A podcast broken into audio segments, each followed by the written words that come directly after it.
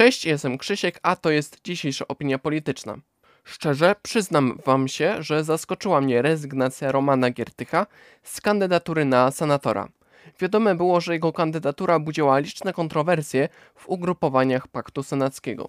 Z jednej strony zachował się lojalnie wobec własnego środowiska i to się bardzo ceni. Z drugiej strony jednak nie wiadomo, czy stał za tym realny przymus ze strony Donalda Tuska.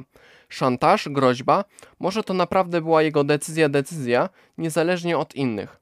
Może tak spojrzał na koalicjantów, zauważył, że nikt nie chce na niego głosować, więc zrezygnował. Nieco współczuje Romanowi Giertychowi.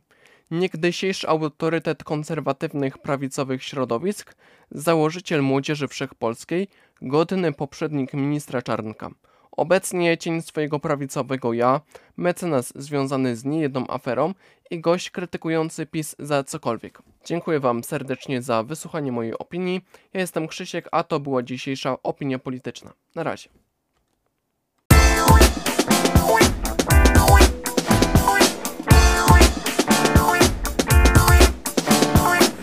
Była to audycja PAPM Podcast. Prowadził scenariusz realizacja Krzysiek.